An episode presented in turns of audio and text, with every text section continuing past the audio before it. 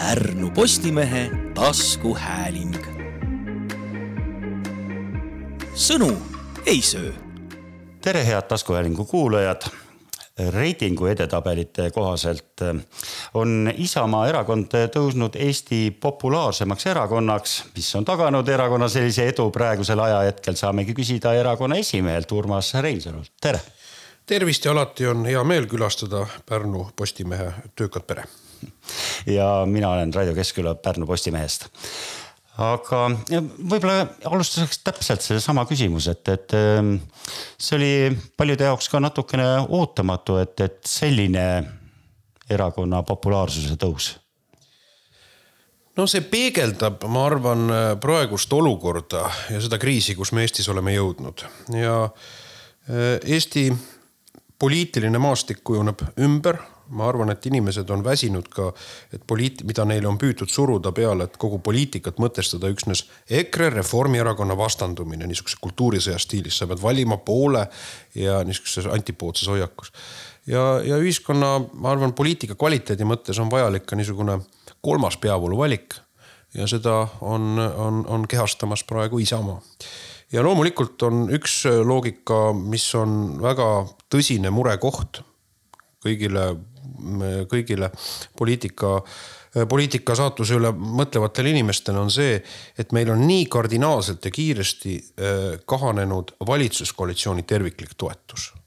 ja see on märk äh, sellest, et, äh, et ei ole usaldust ja see kahtlemata on tõsine probleem ja me näeme ka seda, et see usalduskriis on üle kandunud, selle epitsentris on peaminister oma isikliku poliitilise vastutuse kriisiga, aga see on edasi kandunud ka kogu riigi juhtimise või valitsemise kriisiks ja võib-olla kõige märgilisem, noh, alati tuleb kõneleda akuutsetest teemadest, on see kaos, mis toimub äh, õpetajate palgaprobleemi ümber. Äh, haridustöötajate liit pakkus oma kompromissi välja äh, haridusminister ütles, et ta viib selle koalitsiooni nõukokku, koalitsiooninõukogu ei saanud kogunedagi, peaminister oli välislähetuses. ja nüüd me oleme olukorral, kus äh, ei olegi võimalik läbirääkimisi sisuliselt vitaalsel moel pidada haridustöötajate ja valitsuse vahel, sest valitsusel puudub seisukoht, ta ei ole võimeline, mitte ei ole läbirääkimistel võimeline seisukohta kujundama, ta ei ole omavahel võimeline seisukohta võtma. kõigil kolmel parteil, kes valitsust moodustavad, on erinevad positsioonid ja see on loomulikult märk juhtimisvõimetusest. Isamaa on veendunud selles, et Eesti ühiskonnas on niigi välisest keskkonnast tingitud stressi elemente. et meil, me peame hoidma ühiskonda täiendavasse stressi ajamast et koolides tuleks tagada töörahu, me oleme esitanud oma kompromissettepaneku alternatiivses eelarves. ja meie vaates on võimalik ka vastutustundlikku rahanduspoliitilist käekirja silmas pidades see kompromiss sõlmida ja ma kutsun selleks valitsust üles. jah, aga eh, kindlasti jõuame olukorrast Toompeal rääkida ka, aga, aga tuleks, eh, et eh, natukene eemale, kuna me praegu oleme rohkem kui sadakond kilomeetrit Tallinnast ja pealinnast eemal, et, et räägiks natukene Pärnumaast ka, et eh, milline positsioon Isamaal siin Pärnumaal on, et ega ülemäära palju peale Pärnu tegelikult, eh, Pärnu linna ähm, Isamaad nagu väga ei näe või, või kuidas te erakonna esimehe vaatest Pärnumaad näete? noh, äh, ambitsioon ja kui meil erakonna omavalitsusjuhtide kogu täna Pärnu linnas kogunebki ongi mul selline, et kui me räägime poliitilist erakonna noh, nii-öelda kohalolekut, siis kindlasti mm, selline, et me läheme välja järgmistel kohalikel valimistel kõigis omavalitsustes oma, oma meeskonnaga. Isamaa ridadesse on oodatud ärksad mõistlikud inimesed äh, kogukonna huvide eest seisma ja äh, noh, meil on Pärnumaal üle kuuesaja liikme. Mm, noh, tuntumad tõepoolest ongi Andres Metsoja juba ka Pärnu koalitsioonis, me oleme Pärnu linnavolikogu esimees, aga siin äh, mm, tegelikkuses ka Lauri Luur Pärnust väljapool. et neid tegijaid iseenesest on, aga noh, ma arvan, et üldine loogika on, et et me tahame ajada niisugust äh, mõistlikku äh, poliitikat ka kohalikus, kohalikes omavalitsustes ja ja, ja praegu on nii-öelda ettevalmistustööde pikaajaline sihi seadmine. Sellest äh, kohalikust ja riigi vaatest on just, meil oli eile Pärnu volikogu ja, ja enne seda Keskerakond heitis ette eelkõige siis Andres Metsojale, et, et noh, kui Toompeal aetakse, et eh, poliitikat, et makse ei tohi tõsta ja siis kohalikus vaates, kus on Isamaa erakond ka eh, võimu juures, just nimelt minnakse maksude nagu tõstmise teed. siin oli seekord tegemist siis parkimistasudega, mis nagu väga-väga suurelt tõusevad. et kui palju see nagu erineb ja, ja kas ei ole ka natuke kahepalgelisus? seda on ka mujal, kasvõi Läänerannas, kus eh, tegelikult eh, Isamaa on seisnud väikekoolide eest, aga, aga samas äh, vallajuht äh, Ingvar Saare on ju Isamaast ja, ja on vastupidiselt poliitikat seal ajamas mm. -hmm. kõigepealt see, mis puudutab Lääneranna äh, juhtumit, siis tõsi on see, et Isamaa seal äh, koalitsioonis ei ole, et äh, meil on küll äh, üks inimene osutus volikokku valituks Isamaa nii-öelda. Obersneider ja temal oli tegelikult väi, selle Metsküla kooli sulgemise vastu. just, nii et seda võib öelda. ja ma mõistan ka, et volikogu on tegelikult tööandja. ja tema mandaat on selline, et tõepoolest konkreetne vallavanem on nii-öelda palgalise mänedžerina seal aga ma jälgin väga tõsise murega seda, mis toimub Metsküla äh, kooli ümber, et minu meelest äh, presidendi käsitlus oli ainumõeldav, et äh, noh, kohalikul, kohalike kogukonna liidritel, vedajatel noh, ütleme ükskõik, mis organisatsiooni sa juhid, sa juhid avaliku sektori, erasektori organisatsiooni, aga sul peab olema ka niisugust juhtimisvõimet ja empaatiat, et sa suudad leida lahenduse dialoogi vormis lahenduse nii-öelda noh, kaasaegses juhtimiskeskkonnas ei ole lihtsalt nagu ülerulliv loogika ei ole lahendus. et ma täiesti ühinen presidendi loogikaga ja, ja kutsun üles neid kohalikke liidreid äh, ikkagi äh, teinekord juhtub äh,, ma olen elus ka näinud seda äh, ja ma arvan, igaüks, kes on mingi juhtimisega tegelenud, et, et juhtimises on oht, et sattuda, joosta nagu kinni. et sul tegelikult tundub, et aeg sa ajad ühte teed, et sa oled sinna juba nii palju investeerinud sellesse lahendusloogikasse, et on raske nagu astuda samm kõrvale või ka samm tagasi aga see muide on ka riigi tasemel küsimus, kus ma olen peaministrile ka ausalt öelnud, et see ei näita mitte juhi nõrkust kui sa oled valmis seda tegema, aga see näitab juhi tugevust, et ta on võimeline ka olukorras, kus, mis on muutunud nii keerukaks, oma otsuseid korrigeerima. Sest ega pole midagi öelda, et noh, selle kogukonna liikmete võitlus oma kooli eest, see on midagi palju suuremat kui noh li, lihtsalt, eks ole, üks, ühe nii-öelda noh, haridusasutuse paiknemine, et see on ikkagi võitlus laiemalt ju noh, kuidagi nagu enda identiteedi ja juurte eest ja see võitlus on olnud ikka väga pikk ja vapper. nüüd see, mis puudutab Pärnu linna parkimistasusid, eks see on linna, linna küsimus, kus linn peab ausalt sellele otsa vaatama ja mõistliku lahenduse leidma. et, et nüüd ja kindlasti vastutustundlikult seda tegema, ega küsimus on selles, et maksude tõstmine, et kindlasti tuleb hinnata majanduslikku mõju maksude tõstmisel. miks Isamaa on vastu praegu sellele maksutõusude kaskaadile? väga liht-, mitmel põhjusel äh, riigi tasemel. sellepärast, et see tekitab esiteks majanduses ebakindlust ja ma arvan, et kõiki neid parameetreid on kindlasti ratsionaalne ka Pärnu juhtidel hinnata. et, et ta annab ettevõtjatele signaali ebakindlusest olukorras, kus niikuinii väliskeskkonna turgu, turgude ärakukkumine, turu nõudluse puudumine meie kaupade ja teenuste järgi. et on, on, kutsub esile stressi, Euribor on kerkinud, kutsub esile stressi. nüüd rohepöörde regulatsioon, regulatiivne keskkonna ebamääramatus. ja nüüd on oluline, et me nagu täiendavate maksutõusudega ise oma majandust üles ei pooks. teine küsimus on inimeste toimetulek maksu, maksude puhul. et ega see number see ei ole mitte parem või vasakpoolse hoiaku küsimus, see on lihtsalt nagu kiretu number, et meil on absoluutses vaesuses olevate inimeste arv kasvanud kolmkümmend tuhat inimest üle kahe poole korra võrreldes äh, seoses väga kõrge hinnatõusuga, eelmine aasta oli ju lausa elukalliduse tõus ligi kakskümmend protsenti. ja see on äh, ja selle, see ei ole lihtsalt statistika, selle taga on ju tegelikult väga paljud e-, elavad inimesed. me ei tohi petlikkusest, et äh, lasta ennast, et ühiskonnas on inimeste hakkamasaamine, võime on, on paljuski erinev. ja, ja samamoodi me näeme, et neliteist tuhat täiendavat töötut töötleva, töötleva tööstuse perimeetris, paraku tuleb ennustada, et töötute arv kasvab ja, ja kui me vaatame ka inimeste võimet, tavalise niisuguse mediaanse pere, leibkonna võimet koguda sääste, siis eelmisel aastal see sisuliselt oli olematu ka seoses elukalliduse tõusuga. nüüd meil on Euribor on niikuinii on kerkinud ja, ja inimeste säästuvõime on langenud, ma loodan, et on energia elektri, muude energiakandjate hinnad on madalamal tasemel sellel kütteperioodil, kui nad olid eelmised. aga tõe, tõsiasi on selles, et meil on väi-, madalama sissetulekuga inimeste kogu äh, sissetulek, mida nad jooksvalt teenivad, olgu nad eakad inimesed, saavad pensioni, olgu nad madalama sissetulekuga inimesed, saavad omale palka, elatist, siis tegelikult see läheb kõik tarbimisse. see läheb kõik tarbimisse.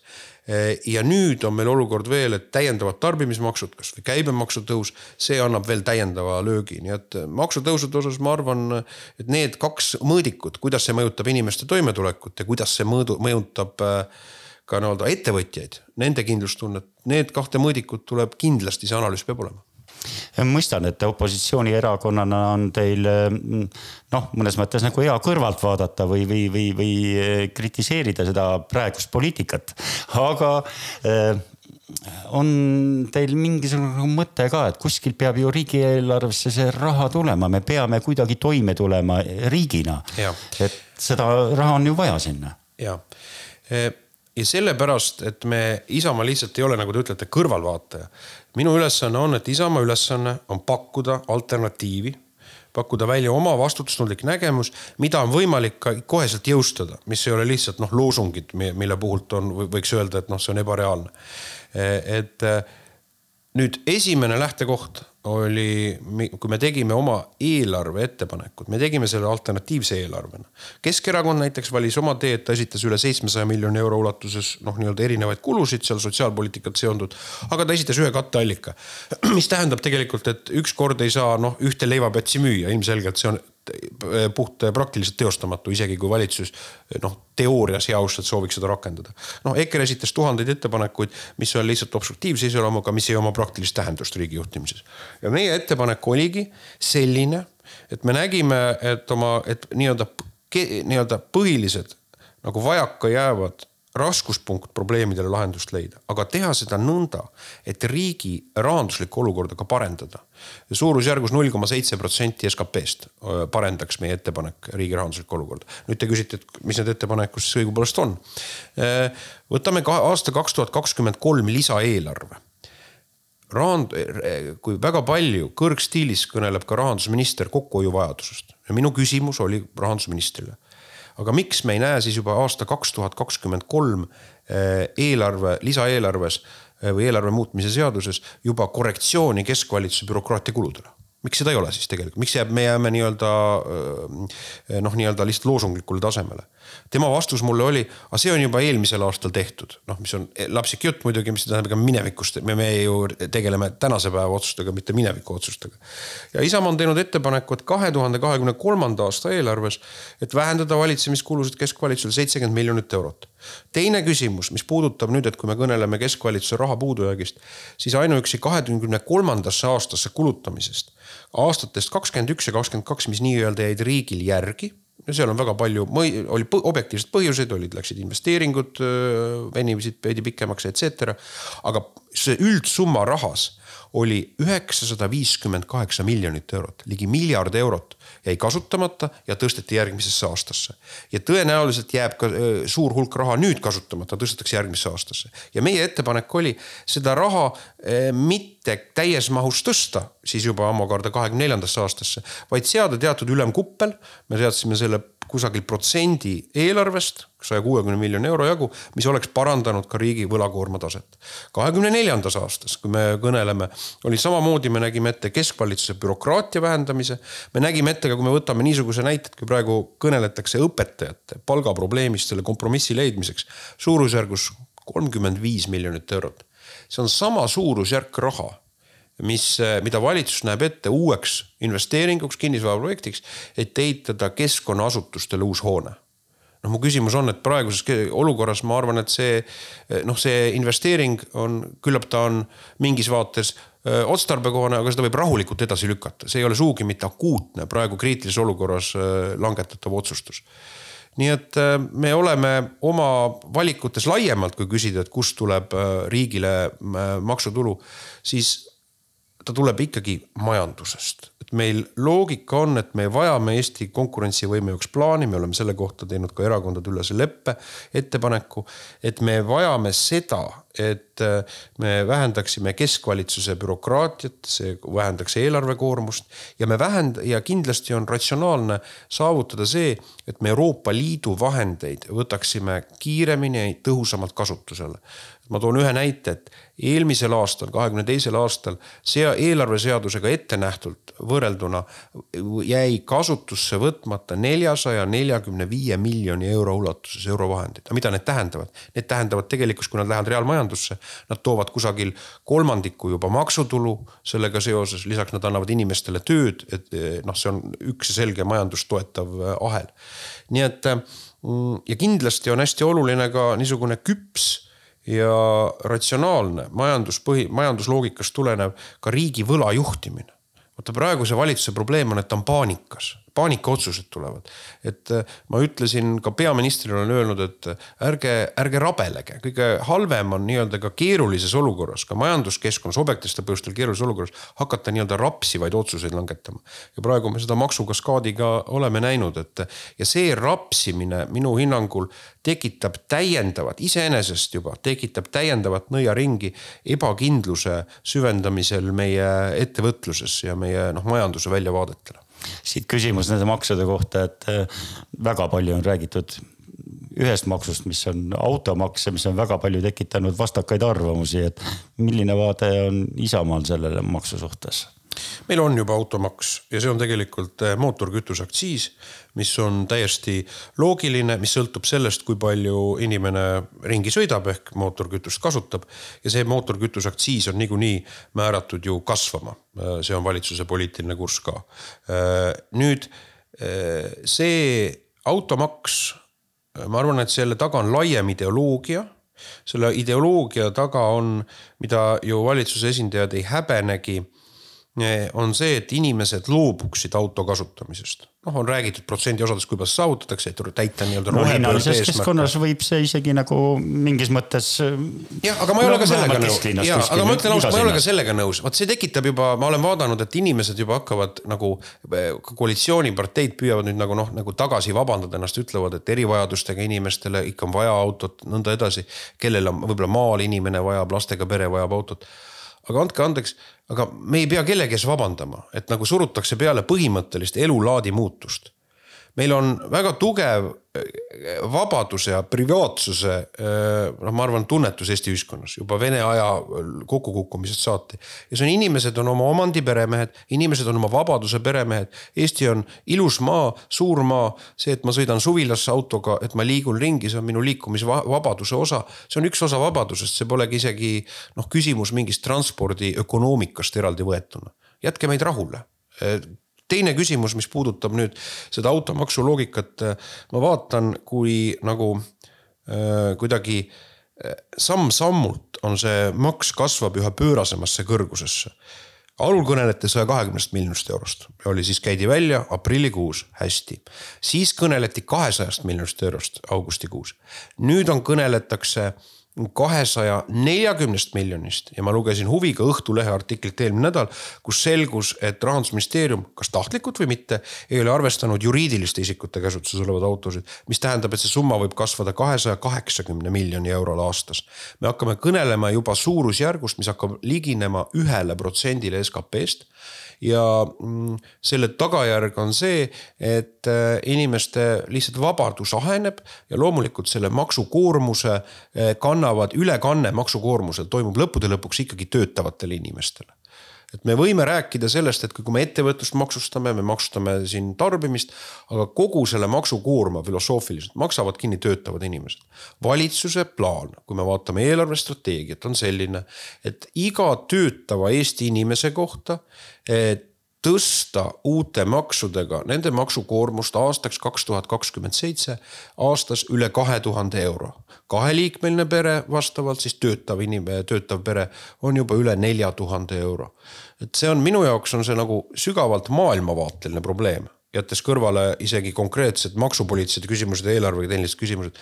aga kes on andnud mandaadi, et asutakse Eestit eh, nii-öelda eh, monteerima kõrgete maksude maaks? Inimpõlve jooksul me võime rääkida, noh, alati on üksiku maksu üle eraldi võetuna on legitiimne vaielda nii või teisiti. aga meil on Eestis nagu teatud vabaduse käsitlus ja ka maksude käsitlus on olnud niisugune noh, selgelt, selgelt, et madalad maksud on voorus inimeste jaoks ja teise ja ühiskonna jaoks. ja teiseks, et nagu vabadus peab olema inimestele tagatud ja ma näen, et ilma avaliku mandaadita, veelgi enam, öeldi välja, lugege mu huult, et maksud ei tõuse, ilma igasuguse avaliku mandaadita ühiskonnas, kodanike mandaadita, on asutud nagu ühiskonda täiesti põhimõtteliselt ümber konstrueerima. aga kui autodest juba juttu oli, et eh, kindlasti tulite Pärnusse ka autoga. eh, noh, pealinnast rongiga siia ei saa ja lennukiga ka mitte, kuigi lennuväli on olemas. Et mida te teedest arvate, et, et noh, Pärnul on eh, väga tähtis olnud, et nii tulevuse Balticu va- valguses kui ka eh, meilt läheb läbi rahvusvaheline maantee, mis on tegelikult väga-väga ülekoormatud see on probleem, et meil peab riigil, vot see ongi küsimus, kui me räägime ka võla juhtimisest, arukast võla juhtimisest. see tähendab, et mis sektorites ka riik võtab võlga tahtlikult, et ta saab aru, millele ta ka nii-öelda ütleme, ajatab öö, oma noh, nii-öelda kulutusi. et milline on see nii-öelda võlapoliitika nagu tahtlikult ka riigi ühe majanduspoliitika elemendina. et, et praegu meil noh, seda ei puudu, see, see paraku puudub, et valitsuse loogika on, et tuleb saavutada lühiajaliselt ka vastuollu minnes majanduse hu, eluliste huvidega, püütakse saavutada rabeledes noh, nii-öelda paremat eelarvepositsiooni ja ma väidan, et see on lühinägelik loogika ning sellel ei ole ka moraalset mandaati, kui valitsuse, keskvalitsuse bürokraatia ise seda ei tee. see tegelikkuses asetab nagu koormust vale nurga alla. ja noh eh, transpordiühendused, kui me räägime maismaa transpordiühendused, on tegelikult ju äh, majanduse vereringe ja see koormus loomulikult see, mis toimub praegu Tallinn, ütleme siis Tallinn-Ikla trassil nimetame, see on loomulikult pöörane ja see on loomulikult noh, ta on liiklusohutuse mõttes halb, aga loomulikult ta noh, strateegilises mõttes kaupade liikumise loogikas ei vasta ka meie majanduse noh, nii-öelda siis äh, huvidele. Et küsimust, meil peab olema ikkagi plaan olemas neljarajaliste teede rajamise kohta, et see ja seda tuleb noh süstema-, süsteemselt jõustada. ja loomulikult ma ei näe alternatiivi, ma ei näe alternatiivi, sest kui küsida üldse Eesti majanduse tulevikust, siis me peame avameelselt vaatama näkku, et meie ettekujutus ida-lääne suunalistest kaubateedest ja sellega tekkivat nagu jõukusest, mis on võib-olla sajandite perspektiivis olnud, kui me räägime pikemalt. see on seoses geopoliitilise keskkonna muutumisega, seoses Venemaa isoleerumisega, see on määramatuks ajaks lõppenud väga palju on räägitud ka julgeolekupoliitikast nii raudtee teemal. see on, see on kindlasti ka üks oluline element, aga minu jaoks on oluline nagu pikemas vaates näha Eestit niisuguse arenenud tööstusriigina. Kui me räägime üldse nii-öelda jõukuse potentsiaali kasvu, me oleme uhked selle üle, et meil on niisugused äh, start-up initsiatiivid, nii-öelda ükssarvikud, väga kiiresti paisunud niisugused noh, nii-öelda ennekõike internetiäri, äri või internetiarenduste pinnalt kasvanud ettevõtted. ja loomulikult nad on majandusele positiivsed. loomulikult tõsi küll, ka nendele on nüüd lühiajaliselt noh, kuna nende start-up äri investeerimine on maailma majandusse jahtumise tõttu tõmbunud tagasi, on keerulisem positsioon uute investeeringute mõttes. aga ma näen nagu jätkusuutlikku, kestva arendusloogikana, see peab olema läbi meie hariduse, see peab olema majanduse konkurentsivõime toetamise, on ikkagi Eesti tööstuspotentsiaali väljaarendamine ja ka siis on logistiliselt normaalsed kaubateed on, on tegelikult minimaalne, mida riik saab teha toetamiseks, sellepärast et juba paratamatult Kesk- ja Lääne-Euroopa metropolide juures asuvad ka tööstussõlmed on tohutus konkurentsieelises selles loogikas, kuna lihtsalt juurde, logistiline juurdepääs on parem turgudele, on parem teistele tootmisahelatele. ja noh, teine küsimus, kui me räägime Eesti majanduse konkurentsivõimest, meil ei ole võimalik tööstuse konkurentsivõimet välja kujundada, kui meil ei ole selgelt riigi energia poliitikat, see tähendab tegelikult ka poliitikat, kus on põhiline sisend on elektrienergia hind peab olema konkurentsivõimeline.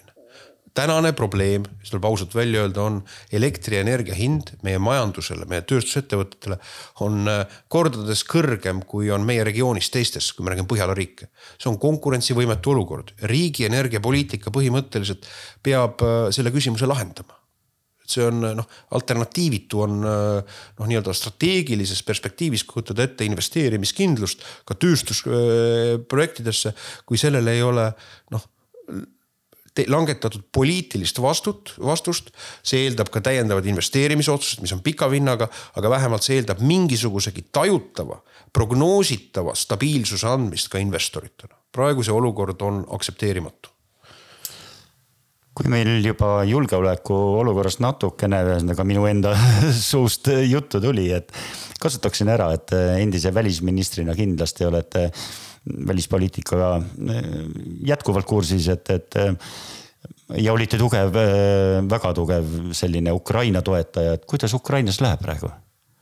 olukord on keeruline, tõsiselt keeruline. me peame tunnistama, et rindel on kuigi me, me loeme uudiseid ja inimesed hukkuvad igapäevaselt ja, ja noh, mingid maa-alad ja asustatud punktid rändavad täielikult või osaliselt käest kätte. aga sisuliselt on strateegilises mõttes on patiseis ja see patiseis, noh, siin tuuakse põhjuseks ka klimaatilisi olud, olusid nii-öelda talve pealetulekut ja, ja, ja sügisel nii-öelda siis maa läbimatumaks muutumist.